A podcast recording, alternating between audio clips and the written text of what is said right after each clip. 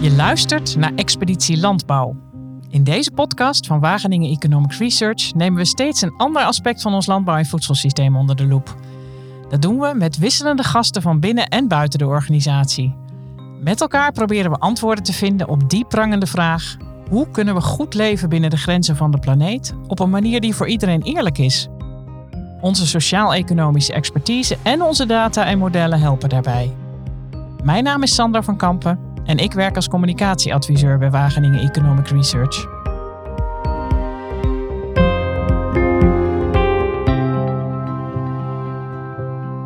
Vandaag zijn te gast in de studio Bart de Steenhuizen-Pieters, onderzoeker voedselsystemen, Yuka Waarts, onderzoeker duurzame waardeketens en Herman Brouwer, adviseur multi-stakeholder samenwerking bij Wageningen Center for Development Innovation. Zij zijn als onderzoeker, maar ook als samenwerkingspartner actief in de zogenaamde low- en middle-income countries in Afrika, Azië of Midden-Amerika. Ik praat met hen over de eerlijkheid, of liever de oneerlijkheid van ons huidige wereldwijde voedselsysteem. Hoe zijn we daar terechtgekomen? Wat zijn de consequenties? Maar vooral, wat kunnen we doen om dit systeem te veranderen en waar putten de onderzoekers hoop uit? Yuka, Bart, Herman, welkom. We gaan in deze podcast even uh, verkennen, of even, het is een heel groot vraagstuk, maar de, eerlijkheid eigenlijk van ons voedselsysteem. Bart, kun jij daar iets over zeggen? Hoe eerlijk of hoe oneerlijk is ons wereldwijde voedselsysteem? Ik word vaker met dit soort hele grote vragen geconfronteerd. Ik denk dat we die meteen uh, moeten terugbrengen tot uh, proporties. Als je mij gewoon vraagt van hoe eerlijk is het? Het is natuurlijk helemaal niet eerlijk. Maar als je ziet hoe voedsel in de wereld verdeeld wordt, dan is dat buitengewoon oneerlijk. Omdat het door allerlei waardes wordt gestuurd die niet leiden tot een eerlijke verdeling van voedsel. Dat zijn vooral waardes van, uh, die commercieel worden bepaald. Uh, waar zoveel mogelijk uh, winst kan worden behaald op de handel in voedsel. Waar eh, koopkracht gevonden wordt voor toegevoegde waarde. En niet waar de behoefte aan voedsel, wat toch echt een menselijke noodzaak is, een menselijk, eigenlijk een menselijk recht, leidend is in het verdelen van voedsel. Oké, okay. Ik hou even vast, dat menselijke recht op uh, voedsel. Herman, heb jij er wat, hoe zijn we hier terecht gekomen? Kun je daar iets over zeggen? Hoe is ons voedselsysteem gegroeid zoals het is gegroeid? De grote trend die je natuurlijk kunt waarnemen is dat voedselstromen eigenlijk in de afgelopen decennia gewoon steeds verder geglobaliseerd zijn en geïntegreerd. Dat betekent dat waar je vroeger veel meer lokale voedselsystemen had die gewoon uh, voor voedsel zorgden voor de mensen in de directe omgeving, dat op een gegeven moment handel erin steeds belangrijker werd. Daarmee krijg je een hele andere set van actoren, van handelaars, van investeerders, van mm-hmm. marktsystemen en beleidmakers daaromheen, die op veel meer invloed hebben gekregen op wat er met ons voedsel gebeurt, welk voedsel er wordt geproduceerd en waar het wordt verhandeld voor welke prijs. En dat is denk ik een hele grote reden waarom we nu zitten met het probleem waar we in deze podcast over praten. We voelen eigenlijk allemaal wel aan als privépersonen dat er veel oneerlijkheid in dat systeem zit. En waar dat precies in zit, ja, dat kunnen we proberen verder uit te pakken vandaag. En als we dat even concreet maken, want er lijden een heleboel mensen nog steeds honger in deze wereld. En aan de andere kant van het spectrum zitten ontzettend veel mensen die juist lijden eigenlijk aan een teveel aan ongezond voedsel. Yuka, wil jij daar wat uh, over zeggen? Ja, ik kijk vooral naar inkomensverdeling. Dus ja. minder naar voedselverdeling. Dus ja. dat heeft wel een raakvlak met elkaar. Want op het moment dat je geen, niet genoeg geld hebt, dan kan je over het algemeen ook niet, jezelf niet genoeg voeden. En daar zie je dus ook een enorm verschil tussen landen, maar ook binnen landen. Hè. Dus zelfs binnen Nederland heb je hele grote verschillen tussen arm en rijk. Tussen landen heb je dat, bijvoorbeeld landen hier in Europa en landen in Afrika. Uh, maar ook binnen ketens. Dus partijen binnen ketens die heel veel winst maken versus boeren die toeleverancier zijn, die eigenlijk niet kunnen rondkomen. Bart? Ja, nou en dan zie je inderdaad dat voedsel volgt eigenlijk die inkomenspatronen. Koopkracht is de meest bepalende factor geworden in hoe voedsel wordt verdeeld. Hoe meer koopkracht, hoe hoger zeg maar, de toegevoegde waarde van het voedsel. En dat bepaalt hoe die stroom zich eigenlijk voltrekt. Dus hoe minder koopkracht, hoe minder toegang je tot voedsel krijgt. Terwijl er eigenlijk veel meer dan voldoende voedsel in de wereld is. Herman. Ja, nee, daar heb je wel gelijk in. Er zit niet een groot plan achter waardoor we nu zijn waar we zijn. Kijk, wij, wij praten vaak over complexe systemen, waar je vaak moeilijk een oorzaak kunt aangeven, of mm-hmm. een, een, set van oorzaken, maar waarin je ook heel weinig kunt voorspellen over hoe het zich nou gaat oplossen. Nou ja, dan kan je je handen in het haar gooien en zeggen van nou oké, okay, Uh, hier kunnen we in feite niet veel aan verklaren en ook niet, niet veel aan voorspellen. Dus ja, dan houdt dat voor ons op als wetenschappers. Um, ik denk dat, dat, uh, dat er wel wat nuance over aan te brengen is. Dat we wel hebben geleerd dat zelfs in die complexe situaties, dat we bepaalde patronen en dynamieken kunnen herkennen die ervoor zorgen dat het voedselsysteem zich op een bepaalde manier ontwikkelt. Je ziet bijvoorbeeld wel dat er experimenten zijn met prijsprikkels of met subsidies, eh, waarmee je zeg maar gewenst eh, voedingsgedrag kunt stimuleren en ongewenst gedrag kunt afremmen. Bijvoorbeeld een, een, een belasting op suiker of op suikerhoudende frisdranken of iets dergelijks. Dus er zijn wel degelijk voorbeelden hoe je in dat complexe systeem sturen. Kun je ons nog iets verder mee terugnemen in de geschiedenis? Want dit heeft natuurlijk ergens een oorzaak gehad in ons koloniale verleden. Of zie ik dat verkeerd? Nou, je kunt ook over de koloniale tijd uh, iets zeggen, maar ik wilde eigenlijk eerst naar voren brengen dat die deregulering die met de globalisering heeft plaatsgevonden, niet wil zeggen dat er geen uh, governance meer is geweest, waarbij de staat eigenlijk heeft bepaald dat er regeltjes zijn die mede bepalen uh, hoe voedsel wordt gedistribueerd, heeft plaatsgemaakt voor andere krachten die in dat vacuüm van deregulering zijn gestapt. En dat zijn feitelijk de grote bedrijven geweest op de wereldmarkt, die zich steeds meer in concentraties hebben gemanifesteerd als bepalende factoren. En die bepalen met elkaar wat de prijzen zijn op de wereldmarkt waar het uh, voedsel vandaan komt. Uh, dat bijvoorbeeld uh, futures het handelsmechanisme zijn geworden, et cetera. Dat bij elkaar, als je dat optelt, de actoren die bij afwezigheid van overheid of internationale agreements toch bepalen hoe die markten functioneren, dat is ook governance. En daarin herkennen wij juist de dominantie van koopkrachtachtige georiënteerde prikkels. En daar vind ik van, dat is doorgeschoten. En daar moeten we naar kijken of die doorgeschoten liberalisering van internationale markten nog wel volstaat, gezien het enorme voedselvraagstuk wat nog steeds of soms zelfs erger aan het worden is. Dus eigenlijk zeg jij, we zijn pas vrij recent in die situatie gekomen waar we nu in zitten. Ja, zoals we dat nu zien, dan is dat wel mijn constatering. Dat wil niet zeggen dat er daarvoor geen uh, voedseltekorten waren.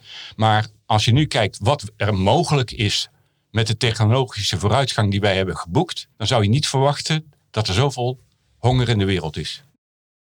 Maar Bart, ik denk nog even terug aan Sandra's uh, gebruik van het woord kolonialiteit.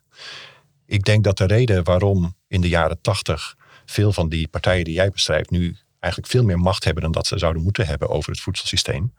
Dat die ja, op die voorsprong uh, zijn gekomen, ook dankzij het feit dat zij eeuwen geleden al gewoon een heleboel van de middelen en de logistieke middelen om gewoon grondstoffen uit Afrika en Azië en Latijns-Amerika uh, goedkoop te winnen, dat dat hun een voorkeurspositie heeft gegeven in dat spel van deregulering en globalisering. Ja, daar ben ik het helemaal mee eens. Ik denk dat in koloniale tijd het uh, wel degelijk uh, door staat geleide uh, exploitatie was. Juka, kan jij ons wat... Ja, ik werk heel veel bijvoorbeeld met koffie- en cacaoboeren. Zelfs als ze georganiseerd zijn, hebben ze eigenlijk weinig macht om op prijzen, op contracten. Hoe lang kopen jullie van mij? dus het is voor hun iemand anders eigenlijk. Uh, en ze zitten in zo'n arme uitgangspositie dat ze ook eigenlijk geen keuze hebben om iets anders te gaan doen. Uh, ook geen mogelijkheden om op een andere manier inkomen te verdienen in het land zelf. Wat ze een enorme kwetsbare positie geeft, wat het heel makkelijk maakt voor bedrijven om een prijs te zetten. Ook al gebeurt dat af en toe op overheidsniveau, maar zelfs de overheid zit vast aan de markt en, en wat de markt te bieden heeft. Dus een overheid kan bijvoorbeeld wel een hele hoge uh, boerafprijs vaststellen. Maar op het moment dat dan vervolgens niet aan de markt verkocht kan worden voor net zo hoge prijs, dan zit je in de problemen. En dat is een van de grote dingen waar wij op vastlopen eigenlijk. En neem ons nog even iets verder mee als je wilt in, in wat betekent dat dan, laten we zeggen Afrika. Hoe ziet het leven daar van boeren eruit vanwege al die uh, machtsconcentratie bij uh, grote voedselbedrijven? Um, ja, wij, wij, doen onderzoek naar verschillende contexten en landen in Afrika. Dus het ene land is niet het andere. Uh, ik denk dat dat belangrijk te noemen is. Wat we wel zien is een trend in uh, koffie- en cacao- en theeboeren bijvoorbeeld. In verschillende landen in Afrika. Waarbij het merendeel van de boeren op zeer kleine schaal uh, koffie en thee en cacao produceert. Waarbij ze eigenlijk gewoon proberen er het beste van te maken. Dus wat ze doen is eigenlijk de beste optie om inkomen te genereren. Ehm, maar dat betekent dat meer dan de helft onder de armoedegrens leeft. En dat is een serieus uh, probleem, want het betekent dat je basale levensbehoeften niet kan ja, betalen eigenlijk. Dus voedsel, uh, scholing en dat soort dingen. We hebben een keer uitgerekend dat bijvoorbeeld voor Ghana en uh, Ivoorkust, dus uh, waar cacao geproduceerd wordt, er 10 miljard per jaar nodig is om alle boeren van een leefbaar inkomen te voorzien. Dus dat zijn enorme bedragen die je extra nodig zou hebben, wil je die boeren op die fatsoenlijke levensstandaard krijgen. Ja, dan zie je inderdaad dat het praktisch onmogelijk is om al deze mensen boven de armoede te krijgen alleen door primaire productie van landbouw producten. Precies. Maar het belang van deze grote bedrijven, die die cacao in dit geval, hè, van jouw voorbeeld Yuka, eh, ligt toch in het eh, extraheren van die primaire producten en het elders te verwerken. En dat genereert geen alternatieve eh, werkgelegenheid in het land zelf. Terwijl we dat juist nodig hebben, want als die zou ontstaan, dan kunnen mensen redelijkerwijs uit de landbouw en ander werk zoeken wat goed betaald wordt. En dat is eigenlijk een, eh, een deel van de oplossing. Wil jij er nog wat over zeggen, Herman? Nou, in aansluiting op wat Yuka zei over het belang van leefbaar inkomen en van wat is de toekomst voor kleine producenten in ontwikkelingslanden om gewoon nog te overleven. In aanvulling daarop denk ik dat we ook moeten realiseren dat naast het feit dat uh, de inkomens van die boeren dus niet in de prijs van onze cacao, thee enzovoort is te zien, dat ook de prijs uh, van de ecologische schade of het landgebruik, dat die ook niet in de prijs zit. Dus er is natuurlijk een, een belangrijke beweging om te kijken van wat is nou de echte prijs? En kunnen we met die, eh, wat zijn manieren om de echte prijs van ons voedsel, om die ook uh, zichtbaar te maken, mhm. te verdisconteren en dat ook mee te laten wegen. Want naast het feit dat gewoon kleine producenten in Afrika en Azië en, en waar dan ook gewoon recht hebben op dat leefbaar inkomen, uh, denk ik ook dat we voor toekomstige generaties en voor de natuur, dat het ook van belang is dat we gewoon hun stem mee laten wegen in uh, wat belangrijk is voor, voor, voor de keuzes rondom voedsel en voedselproductie. Wat vinden willekeurige voorbijgangers, studenten, bezoekers en medewerkers van het thema van deze maand? Onze verslaggever Bart Haagsma zocht het uit. Dit is een rondje over de campus. I think the food system is unfair and mostly if you think about the global food system, I believe it only values productivity and maximizing profit.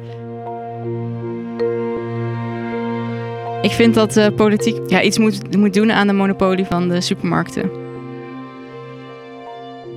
It makes me feel that I should go to Lidl more often than the other supermarkets. ja, natuurlijk gedeeltelijk komt het bij de consument neer. Uh, maar ik denk niet dat de consument aan zet is om het te veranderen. Um, ik vind het een heel oneerlijk systeem, omdat uh, eigenlijk de macht ligt bij een paar partijen, zoals een Syngenta, uh, Rabobank en Bayer. Citizens should be uh, aware of the value of products and have a conscience on food, basically.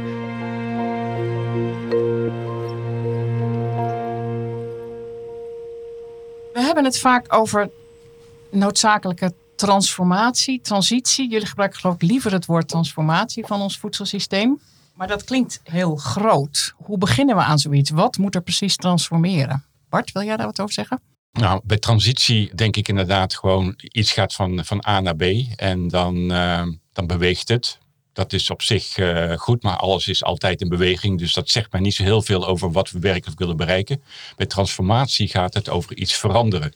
En wij zijn wel overtuigd dat iets moet veranderen. En dat vinden wij eigenlijk allemaal. De vraag is dan hoe verander je iets? En dat is de vraag waar wij bij de Social Science groep van, van Wageningen met z'n allen heel hard over nadenken. Van hoe verander je nou eigenlijk een systeem uh, wat in de tijd uh, en onder de krachten die uh, in, in dat systeem werkzaam zijn, tot stand is gekomen. Dus wij bestuderen dan uh, dat systeem en, en die krachten en de belangen. En dan ga je kijken van hoe kan dat beïnvloed worden, zodat dat systeem in een richting verandert die de maatschappij uh, eigenlijk wenst.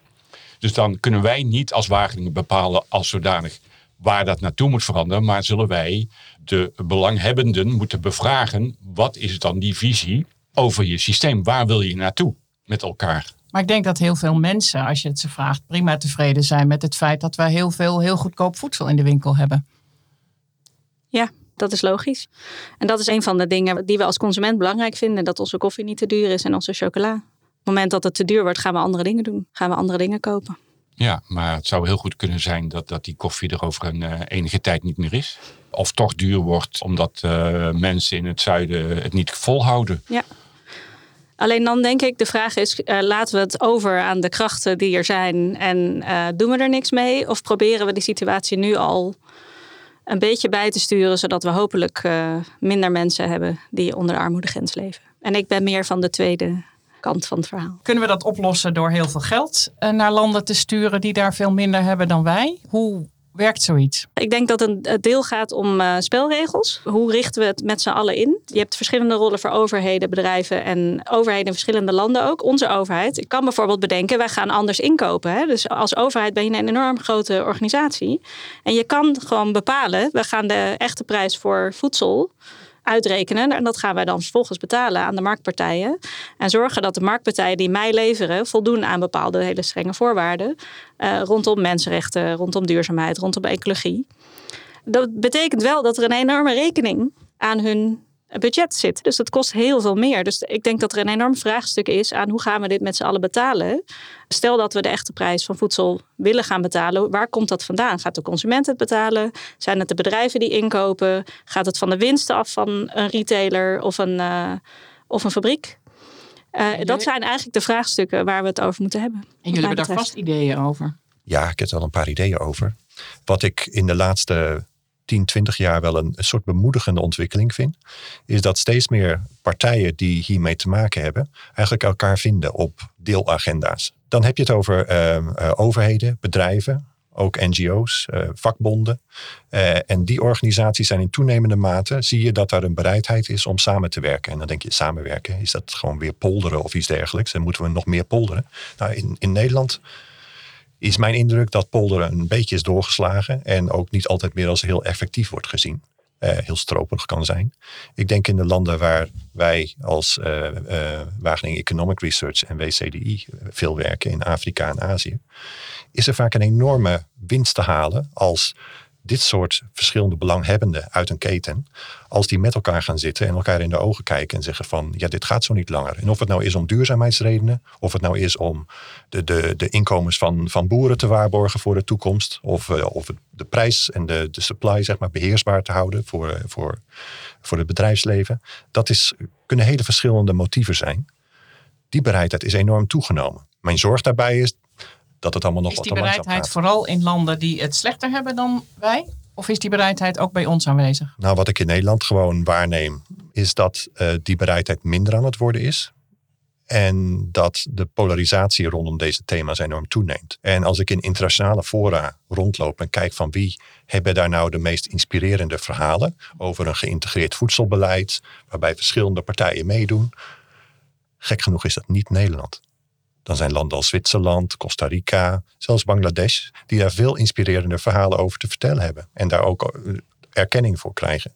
Ik zie dat uh, door het samenwerken van verschillende belanghebbenden te stimuleren op nieuwe manieren. Dus niet het aloude, zeg maar, ronde tafel overleggen en dan alleen maar praten enzovoort. Maar echt nieuwe manieren van samenwerken, van inno samen innoveren, co-designen. -hmm. dat, dat, ik zie daar een heleboel uh, toekomstmuziek in. Ook in landen in Afrika en Azië. Bart? Ja, ik denk dat uh, zowel Yuka en Herman een deel van de oplossing bieden. Maar als ik nou kijk naar de, gewoon hoe die markten werken. Hè, en of dat nou tarwe is, uh, cacao. En ik neem tien jaar en ik kijk naar waar die prijzen telkens naartoe uh, nou, geef, geef anders even een voorbeeld. Want jij weet veel van die tarwemarkt, toch? Van die ja, tarwe is een goed voorbeeld. En als je over tien jaar kijkt, dan zie je dat er enorme pieken in verschijnen. En als ik zo'n piek neem, dan vraag je je af van waarom gaat die prijs in één keer zo ontzettend omhoog? Is dat dan nog steeds de werkelijke, prijs? Mijn antwoord is, is dat er uh, allerlei partijen verdienen op dat moment aan die tarwe die helemaal niet uh, functioneel is. Het is geen functionele prijs meer. Dus dan wordt tarwe dus duurder dan nodig. Dat bepaalt mede uh, waarom wij allemaal te veel betalen voor diezelfde tarwe. Dus dat betekent dat er gebrek aan regulering op die markt plaatsvindt. En dat er dus heel veel partijen zijn die verdienen aan de tarwe en wij te veel betalen. En dat geldt ook in Afrika. Nee, dat... Neem ons heel even mee in die keten dan. Want ik denk dat veel mensen dat toch niet helemaal scherp op hun netvlies hebben. Wat bepaalt dan precies die prijs? Ooit was er een boer die produceerde tarwe. En er was een uh, handelaar die kwam naar dat dorp. En die haalde het op en die bracht het uh, naar de molen en die maakte er meel van. En jij kwam bij, bij, die molen en je kocht het en je maakte er brood van. En et cetera. Nou, dat was een hele korte keten. En ik denk dat de prijs toen een reële prijs was. Natuurlijk is in de loop van de tijd is die keten langer, langer en langer geworden. En met die globalisering uh, ging dat tarwe de wereldmarkt op. Uh, kwamen er andere partijen bij, verschepers, transporteurs, maar ook allerlei financiële partijen gingen die schepen met tarwe opkopen. Die stuurden ze eerst naar links, maar gingen ze toch weer naar rechts. En gingen ze achterhouden, gingen er toch later op de markt sturen, verkopen, et cetera, et cetera. Er zijn steeds meer partijen in die keten gestapt, omdat het een lucratieve business is geworden. Dus voedsel is steeds meer een winstgevende commodity geworden. En dat maakt dat ons voedsel eigenlijk veel, veel duurder is geworden dan nodig. En tegelijkertijd is het veel goedkoper geworden. Dat is soms omdat er een overschot is en wij dat overschot uh, via onze handelaar uh, toegereikt krijgen. Maar dat betekent dat er ook op de andere plaatsen in de markt een tekort uh, kan ontstaan. Dus wij kunnen ervaren dat het voedsel uh, in overvloed goedkoop is, omdat onze koopkracht uh, dat voedsel naar ons toe leidt. Maar dat wil niet zeggen dat er elders op de wereld datzelfde fenomeen er is. Dus er zit veel in die markt. De prijsopbouw, de handel. Als we nou ook kijken naar die markt als mogelijkheid voor oplossing, waar komen we dan terecht? Ja, ik denk dat we met z'n allen heel erg goed moeten nagaan of die concentratie van bedrijven op de markt waar geen enkele regulering meer plaatsvindt, of dat wenselijk is. Of dat is gezien ja, de honger in de wereld en de ongelijke verdeling. En wat dat doet met prijzen van voedsel. Of dat is wat we met elkaar als, uh, ja, als wereldburgers, om het zo maar te noemen, wensen. Um, dat betekent dat we uh, daar goed naar moeten kijken op elk, uh, ja, op, op nationaal, Europees en uh, WTO-niveau. Ja, die, die discussie moet gevoerd worden. Dan laat ik dan ook nog even toevoegen. Um, calorierijk voedsel is heel goedkoop. Maar heel gezond voedsel is helemaal niet zo goedkoop. En dat zie je ook in Nederland. Je stelde een vraag over hoe zit dat dan bij ons? Nou, ook op de Nederlandse markt zie je dat betrekkelijk slecht voedsel heel goedkoop is. En als jij uh, om wat voor reden dan ook besluit om heel gezond voedsel te gaan eten, dan zul je ook heel veel meer moeten betalen, wil je dat kunnen doen. En Herman, jij kaarten net aan. We hebben natuurlijk wel echt de gewoonte opgebouwd om vooral grondstoffen uit landen als Afrika, maar ook elders in de wereld te halen. En daar zelf de verwerking en de verscheping van te doen en het tot mooie, dure producten te maken. Ligt daar ook een oplossing om dat soort werkzaamheden veel meer te verplaatsen naar uh, continenten als Afrika of Azië? Ja, dat denk ik wel. Ik denk dat een van de, van de dingen die Afrikaanse ondernemers en overheden kunnen doen, die, die best snel resultaat zou kunnen hebben, is uh, waarde toevoegen aan de productie. En daarmee zeg maar hun eigen waardeketens langer maken, complexer maken. Zorgen dat er ook meerdere partijen werk bij vinden, zodat het ook uh, arbeidsplaatsen oplevert. En dat consumenten uiteindelijk meer keus hebben. En ik denk nog een ander aspect van de markt, waar de markt positief kan werken, is dat er natuurlijk een heleboel innovatiekracht zit. Met name bij midden- en kleinbedrijf, ook in Afrika. En we zien daar dat uh, uh, initiatieven die proberen om met name midden- en kleinbedrijven en soms ook de informele handel uh, gewoon te ondersteunen en ruimte te geven om te innoveren. Um, dat dat gewoon een, een heleboel winst kan opleveren. Tegelijkertijd, het blijft altijd een dynamisch spel. En er ligt altijd het risico op de loer waar we het eerder over hadden, dat die machtsconcentratie alleen maar toeneemt en de machtsongelijkheid in een samenleving. Ja. Dus soms als je nieuwe kansen creëert, ja, dan moet de overheid denk ik altijd gewoon heel alert zijn van ja, wie benut deze kansen nou? Wie zijn de winnaars en de verliezers? En dat is uh, op, het een, op het ene moment een fantastische interventie kan zijn om, bij wijze van spreken, bedrijven in Afrika gewoon aan meer ruimte te geven om te innoveren en bla bla bla. Dat kan vijf jaar later kan dat gewoon een nieuw soort van monopolie geven voor een bepaalde soort bedrijven die daarmee bij wijze van spreken de prijzen opdrijft. Of die Dan gewoon... precies het tegenovergestelde bereikt. Ja, dus het is ook, uh, een voedselsysteem is een dynamisch systeem. Dus het is nooit af. En je moet in die zin ook gewoon nooit op je lauweren rusten als je eens een keer een succesje hebt geboekt.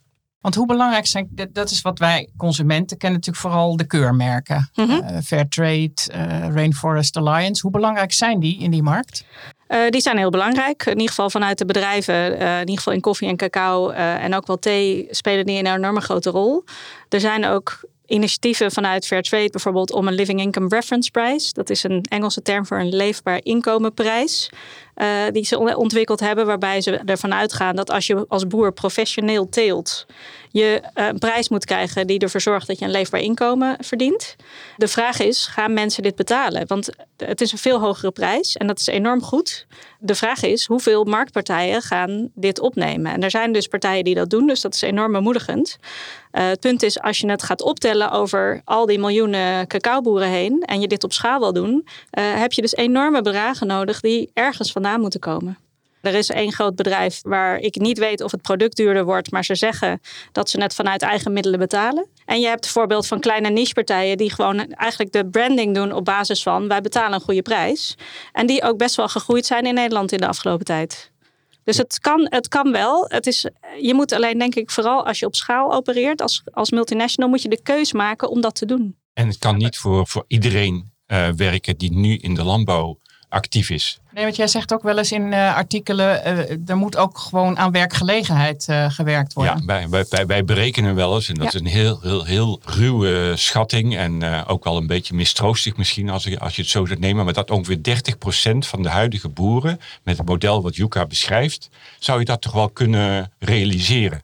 Um, dat betekent dat ze uh, groter moeten worden en dan kan dit model heel goed vliegen, denk ik. Maar 70% zou elders een fatsoenlijk inkomen moeten kunnen krijgen uit andere activiteiten. Zoals de processingindustrie, die uh, Herman al noemde, maar ook andere activiteiten in de, de grotere economie. En daar moeten we echt onze nadruk op leggen, op uh, fatsoenlijke arbeid elders, die het mogelijk maakt dat ze uit de landbouw stappen en nog steeds voedselzekers blijven. En hoe belangrijk zijn NGO's in dit hele spel? Laten we het maar even een spel noemen. Oh ja, die zijn superbelangrijk om twee redenen. En een van de dingen waar ik mij zorgen om maak in een boel landen waar we werken, is gewoon de, de, de afname van ruimte voor het maatschappelijk middenveld. En dat heeft allerlei andere oorzaken. Maar de twee redenen waarom NGO's belangrijk zijn, is één, dat er een heleboel NGO's zijn die heel bekwaam zijn geworden in het behartigen van belangen van boeren, van mm -hmm. allerlei andere achtergestelde groepen. En die, daar, die dus ook heel oplossingsgericht overheden en bedrijven kunnen helpen naar het zoeken naar oplossingen en innovatie. Dat is één. Het tweede is dat je ook NGO's en maatschappelijke bewegingen nodig hebt om een gevoel van urgentie te creëren op een bepaald onderwerp. En daarbij denk ik alleen al aan, uh, kijk, een extreem voorbeeld is het, is, het, is het gaan zitten op de A12, wat Extinction Rebellion doet. Wat wel zorgt dat de discussie over fossiele subsidies gewoon nu overal niet alleen politiek, maar ook aan de koffietafels en bij de koffieautomaten in werkend Nederland. Uh, dat dat een onderwerp van gesprek is. Dus NGO's kunnen ook uh, heel behulpzaam zijn in agenda setting en het creëren van een zekere mate van ongemak, wat soms noodzakelijk is om tot actie te komen.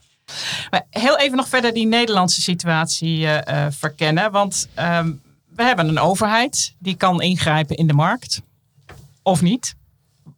Wat zien jullie als, als mogelijkheden even om bij Nederland te beginnen. Wat de Nederlandse overheid uh, zou kunnen doen om dit probleem te helpen oplossen. Ja, Nederland doet al heel veel in Europees perspectief. Hè. Er komt wetgeving aan op Europees niveau. Er is één wet al aangenomen over uh, eigenlijk het beschermen van bos. Hè. Uh, no Deforestation Law wordt die genoemd. Uh, waarbij alle import die Europa binnenkomt niet gelinkt mag zijn aan ontbossing. Dus een cacaoboer of een koffieboer die allerlei bos kapt. die cacao mag niet de Nederlandse markt opkomen. Dus bedrijven moeten aantonen dat er geen ontbossing heeft plaatsgevonden op, op eigenlijk het boerenbedrijf waar ze hun cacao van kopen of koffie. En op datzelfde niveau zou je ook uh, meer kunnen gaan doen aan de regulering van die concentratie van voedselbedrijven uh, op de internationale markten. Zoals die discussie ook wordt gevoerd voor de IT-sector uh, op internationaal niveau. Hè. Daar ervaren we ook dat daar concentratie ja, toch risico's heeft voor burgers in Europa. Kunnen we dat ook gaan doen voor, voor voedselbedrijven? En die discussie wordt nu niet gevoerd? Niet officieel en voor zover ik weet staat dat nog niet op de Europese agenda. Maar er zijn wel partijen in het parlement die daarover nadenken. Rich countries, of course, people would waste food uh, based on just something that is slightly wrong. Or... Misschien wel een van de belangrijkere dingen is dat we uh, minder of bijna niet in contact staan met onze voeding. Uh, I think Rabobank should stop uh, subsidizing pesticides and intensive agriculture and instead start investing in organic agri-food systems. Ik vind het wel eerlijk, uh, want ik vind de prijzen op zich ook wel logisch dat ze nu omhoog gaat in de supermarkt, omdat het gewoon simpelweg komt door bijvoorbeeld um, de oorlog in Oekraïne. Er zijn dus andere opties om je boodschappen te kopen, zoals lokale boeren. Dus daardoor vind ik het op zich wel redelijk eerlijk. Ik heb ook meer vragen dan antwoorden, dus uh, wat dat betreft. Uh...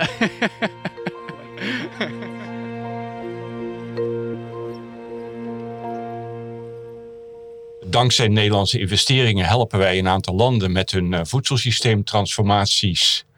Uh, wat Herman zei, hè, brengen wij uh, partijen bij elkaar om dialogen te kunnen hebben over waar gaat het heen, de, to de toekomstvisies over hun voedselsystemen, maar ook doen wij politiek-economische analyses van wie, wie, wie zit hier nou in dit systeem, wie bepalen dat systeem, wie heeft er belang bij. En dat soort ja, wetenschappelijke onderbouwingen van uh, de debatten die daar plaatsvinden zijn ontzettend nuttig om uh, ook in het publieke domein dat soort kennis te brengen. Niet alleen wetenschappelijk, maar vooral uh, laten zien aan het grote publiek in, betrek, in die landen waarom hun voedselsysteem nog steeds leidt vaak tot onvoldoende toegang tot voedsel. En wat kunnen wij doen als consument? Stel je hoort deze podcast en je denkt, ja, ik ben nu helemaal overtuigd, maar ik wil wel alvast iets gaan doen. Nou, een van de dingen is, er zijn uh, partijen die echt veel meer doen en veel meer investeren in de boeren in de landen waar we het over hebben. En daar betaal je over het algemeen meer voor. Uh, vooral doen. Dus kies daarvoor in plaats van voor andere dingen. Dat betekent dat je andere dingen niet kan doen. Um, ik denk dat dat een hele belangrijke is voor uh, stemmen met je voeten. De vraag is, heb je die alle informatie uh, als consument, waar, waardoor je de, die keuzes kan maken. En dat is niet altijd zo.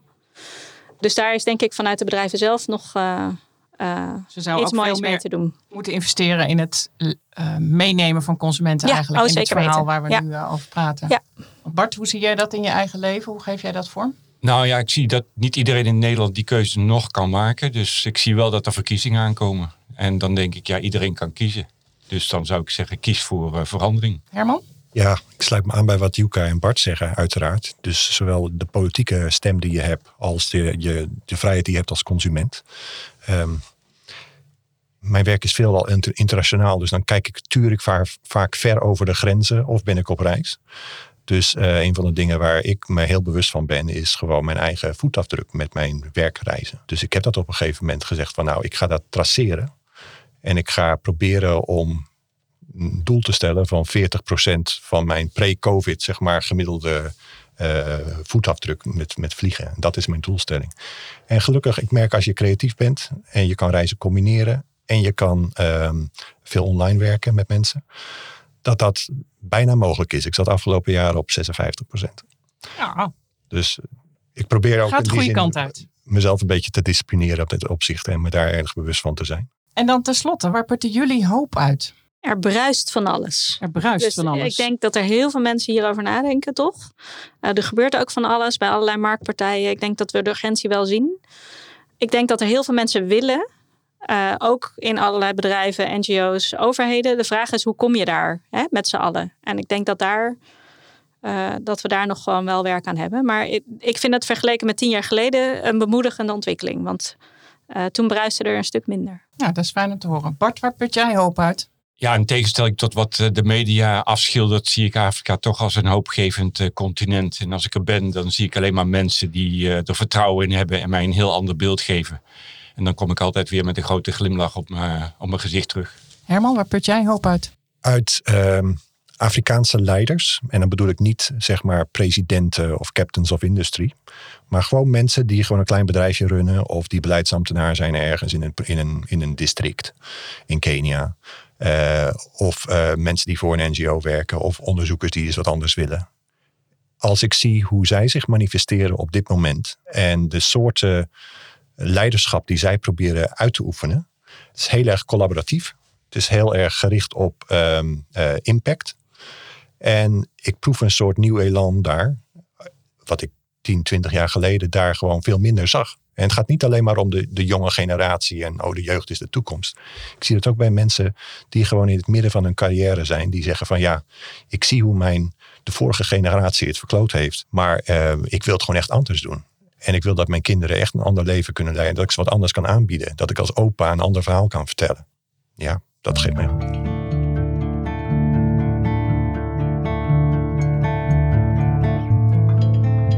Het is duidelijk dat ons voedselsysteem een fundamentele oneerlijkheid bevat. Zoveel mogelijk winst maken tegen zo laag mogelijke kosten heeft vooral op een continent als Afrika veel effect. Jezelf kunnen voeden lijkt niet langer een menselijk recht zoals Bart stelt, maar is afhankelijk geworden van je koopkracht. De markt is zo krachtig geworden dat er op dit moment nauwelijks meer gestuurd wordt. Toch is sterke sturing door de overheid wel een van de oplossingsrichtingen. Net als NGO's die kunnen helpen awareness te creëren en consumenten die producten kopen met een keurmerk. En uiteraard bedrijven die proberen hun producenten van een living income te voorzien, zoals Yuka ziet in haar onderzoek. Maar ook het opzetten van eigen waardeketens in bijvoorbeeld Afrika lijkt veelbelovend. Er zit veel innovatiekracht bij MKB-ondernemers, zegt Herman.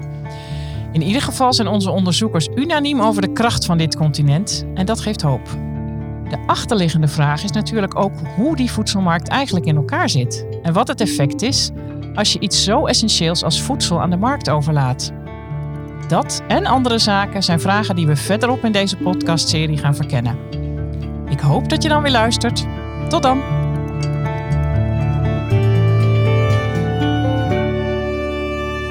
Abonneer je nu op Expeditie Landbouw en blijf op de hoogte van de nieuwste inzichten en oplossingen. Kijk voor meer informatie over ons werk op www.wageningeneconomicresearch.nl.